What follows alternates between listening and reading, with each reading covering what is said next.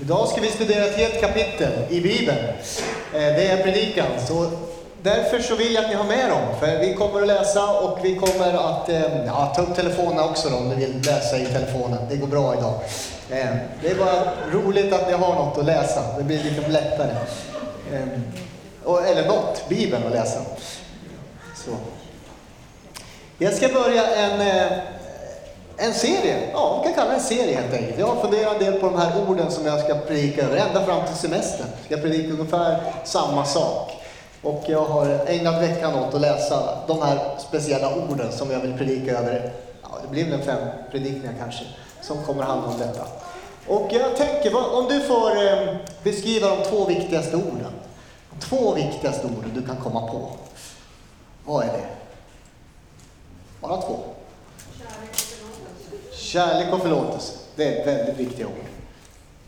Vad på andra? Sanning och frihet. Sanning och frihet, det är bra. Bra ord. Sanning, frihet, kärlek och förlåtelse. Nåd, nåd är ett riktigt ord. Det är bra ord. Tro är ett riktigt ord. Jesus är rätt svar. Nej men det är bra, det är bra ord.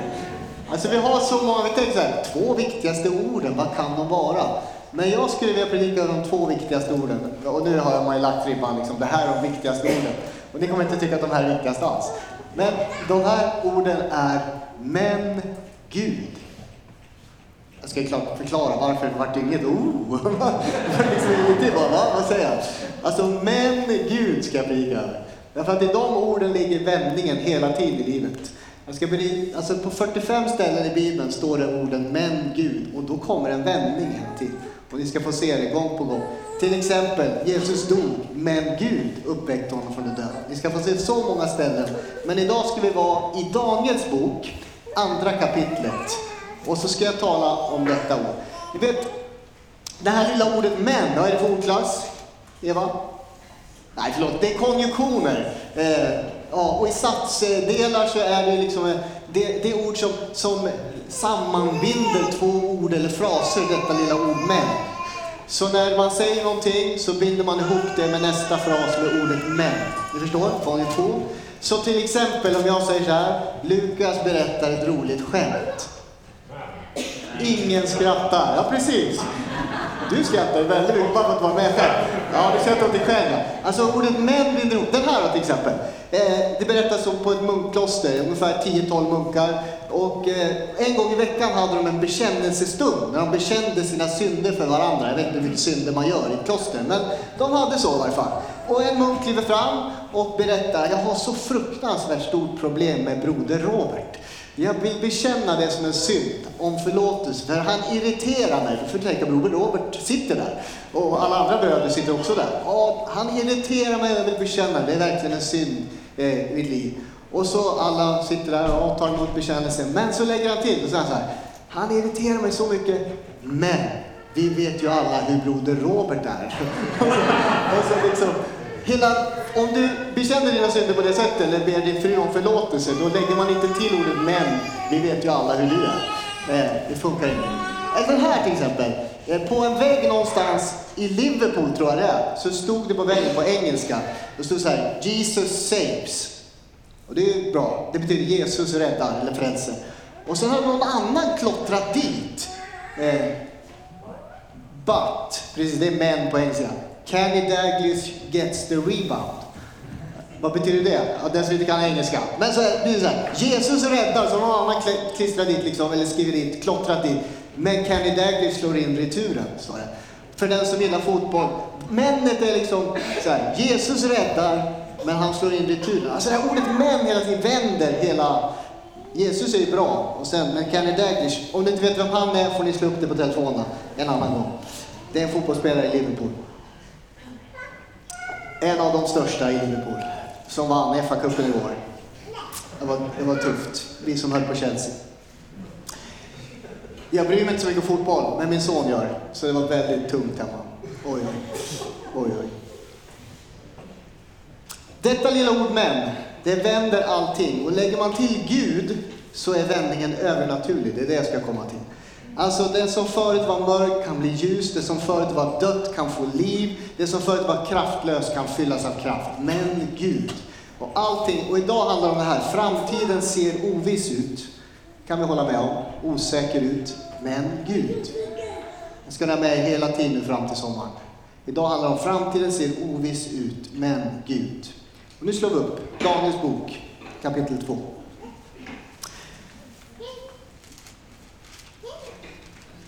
Och innan jag läser, eller vi kan läsa lite rader där, vi kan börja. Vers 1 till och med 5, det står så här. Under sitt andra regeringsår, har ni fått upp det förresten? Det tar lång tid tror jag. Daniels bok kapitel 2. Under sitt andra regeringsår hade Nebukadnessar en dröm som gjorde honom så orolig att han inte kunde sova. Han lät tillkalla spåmännen, besvärjarna, trollkarlarna och stjärntydarna för att de skulle säga till honom vad det var han hade drömt. När de nu stod inför kungen sa han till dem, jag har haft en dröm som har gjort mig djupt oroad. Jag vill veta vad den betyder.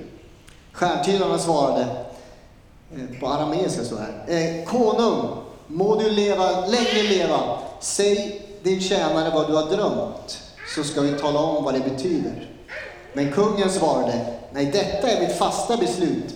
Om ni inte kan säga mig både drömmen och dess tydning ska ni huggas i stycken och era hus ska bli avskrädeshögar. Vi ska fortsätta sen i den här texten. Men jag tänker så här, många, kungen han ligger orolig och, orolig och sover och många vill veta sin framtid. Det är det jag tänker när jag läser den här texten. Du kanske också önskar veta din framtid. Hur ska det bli? Vart ska, vad ska hända med mig? Och vart är vi på väg? Och därför söker människor här, han, han frågar ju spå, spåmän och trollkarlar och allting. Man söker i medium. Det är så här, jag har en god vän, eller ett par, eh, som eh, jag är vän med på Facebook, men vi var väldigt goda vänner när jag bodde i Vänersborg. De är inte med i någon församling. Jag vittnar för dem jämt, eh, men de blir inte frälsta. Utan hon är medium. Hon lägger ut hela tiden eh, olika änglabudskap ut i världen och, och, till människor och hon skriver böcker och hon medlar och hon talar med djuren och hon berättar framtiden åt människor på det sättet. Och hon lever på det. Hon drar in sin lön på det här i Sverige idag. Det är hennes enda yrke, att vara medium. Och hennes man driver spökpoddar och andra grejer. Man kan säga att de här är jättetrevliga de här människorna. Förlåt att jag säger men de är det. Jag tycker så mycket om dem, det är därför jag vittnar för dem hela tiden. Men, och, och de är så inkännande, de känner med människor, de bryr sig. Och så varje kväll kan du ringa till dem, mellan 8 och 10 kan man ringa till dem. Och så kostar det 20 kronor minuten, så, så kommer hon ge ett budskap till dig om din framtid och hur det ska bli. Och man blir arg, för hur kan de ta pengar för det här? Men hon tycker samma om mig. Jag lever ju också, ja, du vet ju inte, du kan inte vara så säker på Gud och så här. Och så försöker du ge råd och be för människor. Så hon tycker att vi är på samma nivå.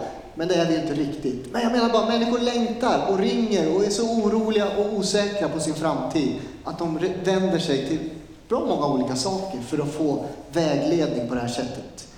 Man är oviss, osäker om framtiden. Att inte veta skapar fruktan och oro. Hur skyddar man sig då? Jag tänker om man är helt fel källa, helt fel. Eh, och när jag började skriva det här, nu har det börjat dyka upp på mitt Instagram. Jag vet inte om det gör det på ert. Jag vet faktiskt inte hur det går till, men det kanske, jo, nu vet jag. Jag sökte på Anna, som hon heter, mediumet, och därför dyker det upp nu på mitt Instagram, eh, andra medium, som håller på med tarotkort. Så här funkar det. Helt plötsligt finns det massa medium som, som läser tarotkort. Idag var det ett tarotkort faktiskt som dök upp. Hon bara, ja, det här kortet betyder att du kanske ska ta upp en gammal hobby som du ägnar dig åt. Eller så, så ska du sluta med en hobby. Eller så kanske du ska börja med en ny hobby. Ja, men tack för den vägledningen. Lever du på det här? Vilket härligt budskap. Alltså det betyder ingenting. Det är så diffust, det är så okonkret när de talar om framtiden. Så det betyder ingenting. Nebukadnessar, kungen här, i Babylonien. Eh, han ropar på hjälp. Han, vill, han, har drömt en dröm och den har gjort honom så orolig, så förskräckt. Han undrar vad ska hända, vad ska ske? Och det var då vi läste i vers 1-5. Och jag har fyra punkter. Och den första är framtiden, och den är given. Framtiden är helt okänd för oss människor. Eh, det var inget djupt alls, utan bara så här, ja så är det. Den är helt okänd för oss människor. Och på ett sätt kan jag ju tänka, varför vill man ens veta? Om jag hade vetat allt jag har varit med om, alla elände, alla sjukdomar, allt jag har gått igenom. man behöver inte veta så mycket, men någonstans finns det i oss att vi vill veta. Men framtiden är oviss för oss människor. Och nu ligger Nebukadnessar där, djupt oroad över de drömmar han har haft. Han är den som regerar hela världen faktiskt. Han oroar sig för sin framtid. Han har sett en staty i sin dröm och den raseras på något sätt. Han undrar vad är det som har hänt? Eller vad betyder den? Så kallar han samman spåmän, stjärntydare, besvärjare, trollkarlar, alla de visa män han har i landet. Eh, och så finns det en liten twist där. Ni, jag tänker inte berätta drömmen. Han har liksom avslöjat deras bluff, hur de tidigare har hjälpt honom och väglett honom. Utan det finns en liten twist. Och den är att eh, jag vill att ni berättar drömmen för mig. Och jag vill att ni tyder den åt mig. Annars ska jag hugga, skära halsen av er, typ. Eh, ja, det är brutalt. Det kunde kungen göra på den tiden. Och då säger spåmännen så här, ingen människa kan uppfylla kungens krav, blir deras svar. Ändå försöker människor spå framtiden och ta betalt för det, vilseleder människor. Eh, man kan ju undra varför vi vill veta. Det här har man ägnat sig åt i 2000 år ska jag säga. Eller mer, 3000 år, 4000 år. Alltid har det funnits. Nämn några kända spåmän. Kan du någon? Nostradamus, ja precis. Bra Johan. Nostradamus, han är en sån här känd som, som påstås ha förutsett så viktiga händelser i framtiden. Även hans eh, liksom, förutsägelser var väldigt diffusa, det var inte alls så klart. Det kunde ha varit lite hit och dit. Men han är en av dem. Oraklet i Delphi är en annan sån här som man hört talas om. Hon jobbade vid Apollos tempel i, i tusen år. Inte samma kvinna, utan man bytte ut oraklet när hon dog. Eh, och under droger och annan påverkan, trans, så frammanade hon liksom syner om framtiden. Och så åkte folk dit, eller romarriket dit, och fick vägledning i krig och kärlek och allting. På det här sättet har man hela tiden sökt, vad händer i framtiden? I Sverige fanns det en när jag var liten, eh, eh hon hette Saida, kommer du ihåg Saida? Hon var på en annan nivå än oraklet, men ändå Saida. Hon var ju norrländska. Eh, och då ringer man in till, jag tror det var Café, ja, Café Luleå hette det. Café Luleå, så sitter de där i tv-studion, så berättar du vart du har tappat dina grejer och så framför Saida ett budskap om vart det ligger de här grejerna. Eh, och så visar det sig, någon person har i efterhand liksom skrivit ner alla hennes förutsägelser och så ungefär hur, hur stor procent har varit rätt. Och då har de kommit fram till ungefär 10-15 procent var rätt. Och eh, en del tycker ja, det var ju bra. Jag tycker det är jättedåligt. Om det är riktigt, liksom biblisk profetia, det är det vi ska få se snart. Den är på en helt annan nivå. Den är detaljerad, den är inte odiffus, den är liksom inte... Man, det är väldigt tydligt biblisk profetia och den slår in gång på gång på gång. Det är det vi ska komma till. Saida, hon gissade bra skulle jag säga. Idag finns det stora pengar som jag sa i detta. Eh, men vi måste erkänna, framtiden är okänd för oss. Den andra punkten. Framtiden är okänd för oss, men den är välkänd för Gud. Det ska vi snart se i texten. Daniel, han visste det här. Det går ett bud ut. Eh, det går ett bud ut att man ska döda alla som inte kan, liksom, det finns ingen som kan tyda drömmen. Inga människor kan göra det här. Det går ett bud ut att döda alla. Och så kommer vi in i vers 13. Vi läser det. Sedan befallningen hade utgått att de, skulle, eh, att de visa skulle dödas sökte man också efter Daniel och hans kamrater för att döda dem. Då vände sig Daniel med kloka och välvalda ord till chefen för den kungliga livvakten Arjok, som var på väg att döda de visa i Babylon. Han frågade Arjok, befälhavaren, varför kungen hade gett så sträng, en så sträng befallning. Och Arjok förklarade saken för Daniel. Och då fick Daniel företräde för kungen och bad få tid på sig. Så skulle han tyda kungens dröm. Sedan gick han hem och berättade för sina kamrater, Hanadja och Mishael och Asarja, vad som hade hänt. Och han uppmanade dem att bönfalla himlens Gud och visa barmhärtighet och låta dem veta hemligheten. Så att, han, eh, så, att han inte, så att inte han och hans kamrater och alla andra visa i Babylon skulle mista livet. Då uppenbarade sig hemligheten för Daniel i en syn om natten och han prisade himlens Gud. Alltså framtiden är okänd för oss, men den är känd för Gud. Alltså, det Daniel gör när han får detta bud, för han var också en av de visa, han kallar ihop eh, sina bästa vänner till ett bönemöte och han vet att Gud kan uppenbara detta för honom. Och det läste vi i vers 19. När han har bett så får han se både drömmen i en syn och han får också eh, uttydningen vad den betyder. Gud förmår uppenbara framtiden för dig och mig också. Det är faktiskt vår bekännelse och vad vi tror. Det står så här i psalm 139, att Gud vet allt om oss. Herre, du rannsakar mig och känner mig. Om jag sitter eller står vet du det. Fastän du är långt borta vet du vad jag tänker. Om jag går eller ligger ser du det. Du är förtrogen med allt jag gör. Innan ordet är på min tunga vet du, Herre, allt jag vill säga. Du omger mig på alla sidor, jag är helt i din hand. Alltså innan vi ens har tänkt tanken, innan vi, så vet han om den. Det är den kunskap Gud har om dig. Det betyder att du inte kan berätta någonting för Gud som han inte redan vet om. Ändå är det svårt att ta in det här, för det är annorlunda. Gud är i sin vishet annorlunda än i vår vishet. Guds vishet är omedelbar, den är, greppar allt.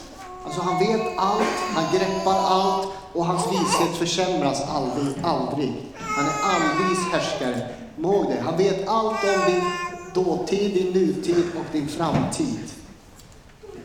Alltså om jag skulle ge er ett, eh, ett prov i årskurs 9, alltså vi säger kemiprov i årskurs 9, kanske finns någon kemilärare här, men de flesta av er skulle inte komma ihåg ett dugg. Eh, kanske någon fråga skulle svara rätt på. Men för Gud, alltså allting som har hänt, som händer nu och framtid, är på ett och samma gång greppbar. Och hans minne försämras inte. Han är allvetande, därför vet han om framtiden. Det är det som Daniel vet och han ber Gud uppenbar för honom. Han får inte panik, han vet, jag frågar Gud. Gud är också, inte bara allvetande, också av alla städers närvarande. Sådana viktiga doktriner man lär sig. Gud är omni, omnis, omniscient och omnipresent. Alltså att han är alla städes närvarande och vet allt om oss. I dåtid, nutid och framtid. Därför vet Gud vår framtid. Han vet det och han vet att det här är i Guds väsen. Så Daniel börjar be tillsammans med sina vänner. Och kungens dröm uppenbaras för honom. Alltså framtiden är välkänd för Gud, för människor är det omöjligt. Framtiden har uppenbarats för oss, är min tredje punkt. Vi vet inte, Gud vet, men Gud väljer att uppenbara framtiden för oss. Vi går in i nyckelversen i dagens predikan. Vi börjar i vers 26. Vers 26.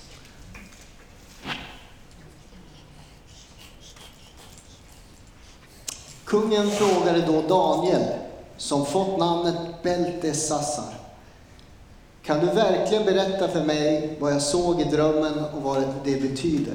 Daniel svarade, Konung, den hemlighet som du frågar efter kan inte de visa, inte besvärjarna, spåmännen eller teckentydarna avslöja för dig. Men det finns en Gud i himlen som uppenbarar hemligheter. Och han har låtit kung Nebukadnessar veta vad som ska ske i kommande dagar. Där i vers 28 kom det Men Gud men det finns, alltså det är omöjligt för människor att veta din framtid eller vad som ska ske. Vad händer med vår värld? Vad blir det med Putin, med Ukraina? Jag allt ni håller på och funderar. Hur ska det bli med mitt jobb? Hur ska det bli med mitt liv? Min ekonomi? Ja, vi är så oroliga för allting. Det är omöjligt för oss att veta framtiden. Men Gud känner den. Men Gud kan också uppenbara för oss en liten del av det, den väg vi är på väg in i. Faktiskt så kan han visa, det kallas för bibliskt i Bibeln för det profetiska, en biblisk profetia. Så Daniel säger, dina spåmän kan inte berätta, men Gud i himlen kan berätta. Och så börjar Daniel berätta vad drömmen är. Han ser en stor staty. Den statyn är byggd av guld och silver och koppar och olika metaller och järn längst ner och så är det som lera längst ner. Och så står det att en sten börjar rulla ner för berget och krossar hela statyn. Och så säger Daniel, det talar om olika riken. Olika riken som kommer att falla och sen till sist så kommer det komma ett annat rike. Ett evigt rike. Ett nytt rike ska uppstå som aldrig någonsin kommer att kunna krossas. Han talar alltså om Guds riket. Att Gud ska komma med ett annat rike som ska bestå för evigt. Alltså framtiden kan uppenbaras för oss. Gud vill göra framtiden känd för oss. Inte hela, utan i detaljer. Jag hoppas du har varit med det här i ditt lärjungaskap om vi går in i konkret i ditt liv nu. Därför att jag har sett saker innan de har hänt i mitt liv med Jesus. Alltså jag ser så, man, man får se saker och man undrar vad ska det bli av det här, men jag skriver ner. Det kallas vision, det kallas syn, det, kallas liksom, det kan vara dröm också. Så ser man saker och så händer det långt senare. Men man anar att oh, det är dit jag är på väg. Jag får inte se helheten, jag får bara en förvissning om att, och så börjar man gå. Så här vill Gud liksom leda, han vill göra sin framtid känd för dig. Men du ska inte veta allt. Men självklart så vill han lägga fram profetiska tilltal, ord i ditt liv. Jag hoppas någon har profetserat över dig. Att du har fått eh, profetord över ditt liv som har väglett dig. Det är liksom en del i lärjungalivet. Jag hade, berätta för jag hade en dröm, eh, dagdröm en gång när jag låg eh, och drömde om en plats när jag var med människor och predikade över ett Guds ord. Och sen eh, flera månader senare så är jag på platsen, ser människorna framför mig och jag vet då vad jag ska predika. Och så börjar jag förkunna. För Gud har liksom förberett redan och visat lite. Det här är inte för förkunnare, det är för, det är för företagare och bönder och allting. Du vill ju få liksom en föraning. Vad är nästa steg för mig? Ja, det, Gud vet. Du, den är okänd för dig, men Gud vet eh, vad du står i, vad du är på väg in i och kan faktiskt lägga fram, visa lite grann så att du kan ta steg.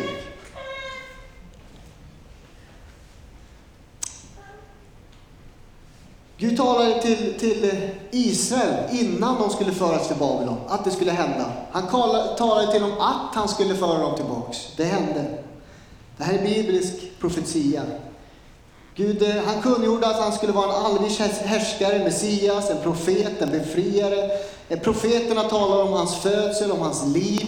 Bibeln talar om en framtida dom. Bibeln talar om ett uppryckande, om vedermödor, att Jesus ska komma tillbaks, att han ska regera och till sist ska han skapa en ny himmel och en ny jord. Det här talar Bibelns böcker om, den här boken. Och då tror vi, det är liksom Gud som lägger fram framtiden och uppenbarar i sitt ord hur framtiden ska se ut. Han vill att vi ska liksom känna till den lite grann. Och jag ska nämna några saker, bara hur imponerande biblisk profetia är. Du vet, en, eh, en fjärdedel av denna bok är profetisk skrift.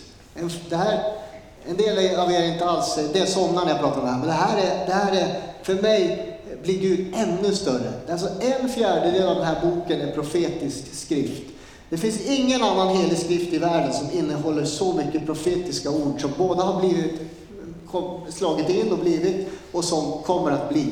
Alltså, jag kan ta upp det sen. Men en fjärdedel är profetia, där Gud talar till folket om vad som ska ske i framtiden. Jag menar, alla kan hitta på saker. Saida, hon, hon, hon killgissade som man säger idag. Hit och dit och råkade ha 10% rätt. Eh, jag är ledsen, men jag tror faktiskt det var så. Hoppas hon vilar i frid. Men Bibelns profetia är så mycket mer tillförlitlig och exakt. Det sker på en helt annan nivå. Nu ska ni få höra här.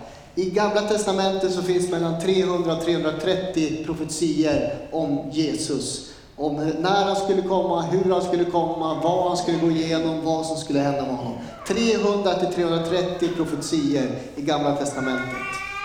Alltså det är ju, han skulle vara född av en jungfru. Ganska specifikt. Det har inte hänt så ofta. Ganska specifikt måste man säga. Ju mer specifik en profetia är, ju svårare är det att den slår in. Det är inte liksom ja, bara vaga gissningar. Född av en jungfru, Jesaja 7. Född i Betlehem, Mika 5. Född i Judas stam, Första Mosebok 49. Hans tjänst skulle börja i Galileen. Han skulle vara en mirakelgörare, Jesaja 35-56. Han skulle rida in i Jerusalem på en åsna, Sakarja 9. Han skulle förrådas av en vän, psalm 41. Han skulle säljas för 30 silvermynt, Sakarja 11. Han skulle bli slagen, förnedrad, pinad, Jesaja 53. Hans händer och fötter skulle genomborras, psalm 22. Och hela den salmen handlar om Jesus på korset och hur hans död skulle gå till. Tusen år före det händer. Han skulle vara hängas och korsfästas tillsammans med rövare som en rövare, Jesaja 53. Man skulle slita av hans mantel, kasta lott om den, psalm 22. Hans ben skulle inte krossas, psalm 34. Ni vet, de krossade benen på de andra, men inte på Jesus. Därför att det står i profetian, hans hjärta skulle genomborras. Man genomborrade Jesus på korset.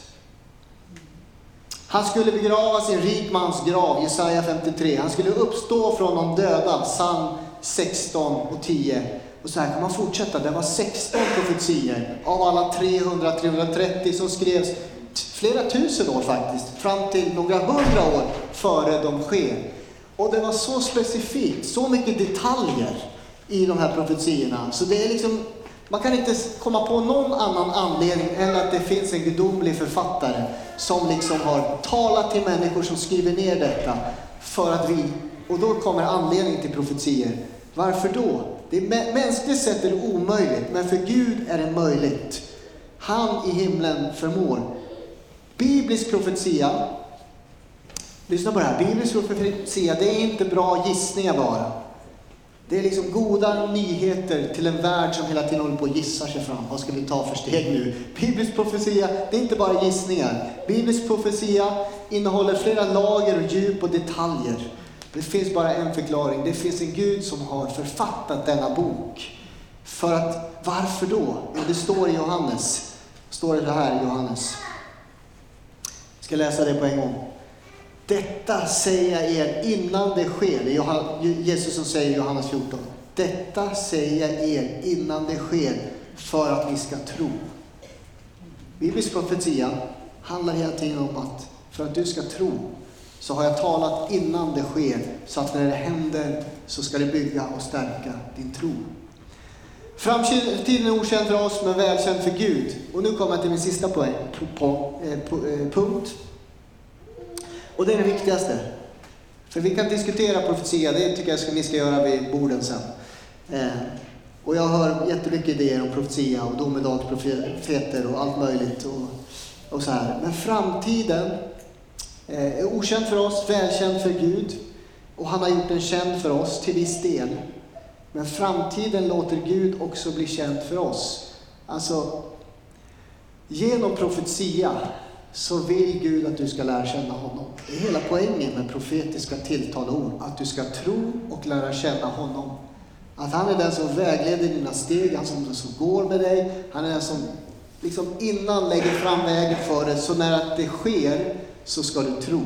Den syn jag fick, vad händer när man står där och bara Yes, det här har jag sett. och börjar predika. Då förstår man ju Gud har förberett. Det, det skapar tro. Och, det, och den förkunnelsen blir på en annan nivå kan jag säga. Det här har jag varit med om. Gud har talat om det här, han har visat. Och så får man predika. Alltså, så viktigt med profetiska ord och tilltal. I våra liv, in i vår tid, in i vår församling. Och de behöver inte komma från talarstolen, de kan komma från dig. Får du tilltal, syner, bilder, visioner, förmedla dem till församlingsledning. Låt oss liksom söka Gud. Ja, men det här kanske är en väg för oss. För det är gemenskapen också Gud talar. Inte bara genom vissa få utvalda som kallar sig profeter. Framtiden, genom profetia, blir Gud känd för oss. Ska jag läsa vers Eh, och vilja känna honom, vers 45 till 47. För det är något som händer när profetian blir uttydd med Nebukadnessar, denna tyrann faktiskt som han är. står det så här, vers 45 47. Du såg ju en sten, det är Daniel som talar, rycktes loss från berget utan att någon hand rörde vid den och krossade järn, koppar, lera, silver och guld. Konung, det är en stor Gud som, som har låtit dig veta vad som ska ske i framtiden. Nebukadnessar var orolig för sin framtid. Han var en stor härskare, han regerade den kända världen, han var orolig för sin framtid. Det är en stor Gud som har låtit dig veta vad som ska ske i framtiden. Drömmen är sann och tydningen är tillförlitlig. Daniel i sin profettjänst var ju väldigt trygg i att det var sant det Gud hade visat honom. Då föll kung Nebukadnessar ner med ansiktet mot marken i tillbedjan inför Daniel och befallde att man skulle frambära offer och rökelse åt honom. Och kungen sa till Daniel, er Gud är sannerligen en Gud över alla gudar, en Herre över alla kungar och en som uppenbarar hemligheter.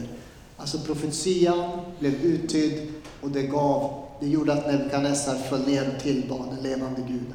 Till och med en tyrann, till och med den värsta, som hade makt att, att stycka alla som inte kunde tyda hans dröm. Faktiskt, till och med han kan liksom bli omvänd eller få lära känna Gud genom det profetiska. Det här är Guds visitkort ska jag säga. Profetier, att de är sanna. Det är liksom Guds visitkort, om vi har det nu för tiden, det har vi inte. Vad har vi nu? Jag vet inte. I varje fall, det är liksom på ett sätt, det här är från Gud. Att profetian kommer och att den är sann. Det är liksom, han sätter ju hela sin, sin existens på spel, ifall det inte skulle vara sant. Eh, I Jesaja 41, det står det så här. Se om det kommer. Må de stiga fram och förklara för oss allt som sker. Förklara, nej nu, är du i 40, ja, 22, där Förklara det förflutna så att vi kan begrunda det och förstå det som har skett. Eller tala om för oss vad som ska hända. Berätta vad som ska ske härnäst så att vi förstår att vi är gudar. Gör något gott eller ont så att vi kan, alla kan se och skåda. Jag skulle ha tagit en vers till. I det här textstället så handlar det om, han, Jesaja profeten, han hånar andra gudar. Ja, låt dem kliva fram och berätta vad som ska ske och hända. Ungefär som att Gud skryter. Era gudar, ni, de vet ingenting. Men vår Gud vet. Han har framtid i sin hand. Han kan berätta för er. Han har det på sitt visitkort. Profetian kommer att slå in om han har sagt det. För att vi ska tro. Det är viktigt. Profetiska ordet kommer för att du ska tro. Och när det sker så ska det bygga tro i ditt liv. Hela målet med profetia är att du ska känna tillit, att du ska känna hoppfull, att du ska känna förtröstan. Gud har det här i sin hand. Jesus, han är annorlunda än alla andra religioner och religiösa ledare på många sätt. Men tre saker som jag bara tänker på ofta. För det första hans oerhörda påverkan på den här världen. Men också för det andra hans uppståndelse såklart, som jag redan predikat flera predikningar senaste Det tredje är profetier som fullbordas. Religiösa ledare, andra ledare, inga religiösa böcker har med det här. Koranen har inte profetiorna med. Eh, Vedaskrifter i hinduismen har inte profetier med. Buddhas texter, eller det han har sagt, har inte det framtidsvisionen med. Eh, taoismen finns inte det. I sångernas bok av Konfucius finns inte liksom, profetiska ord med. Det är bara den här heliga skriften. Det finns ungefär 25 heliga skrifter som används i världsreligioner. Det är bara den här boken som har dessa tydliga, specifika tilltalen in, ända in i vår tid, ända tills Jesus kommer tillbaks. Det betyder att Gud, vår Gud, är den enda sanna Guden. Det är liksom, alla andra gudar kan ju försöka som jag läste där. Men ingen kommer att kunna jämföras med honom. Och Nebukadnessar förstår det här. Hans spåmän förmår ingenting. Så han faller ner och ber.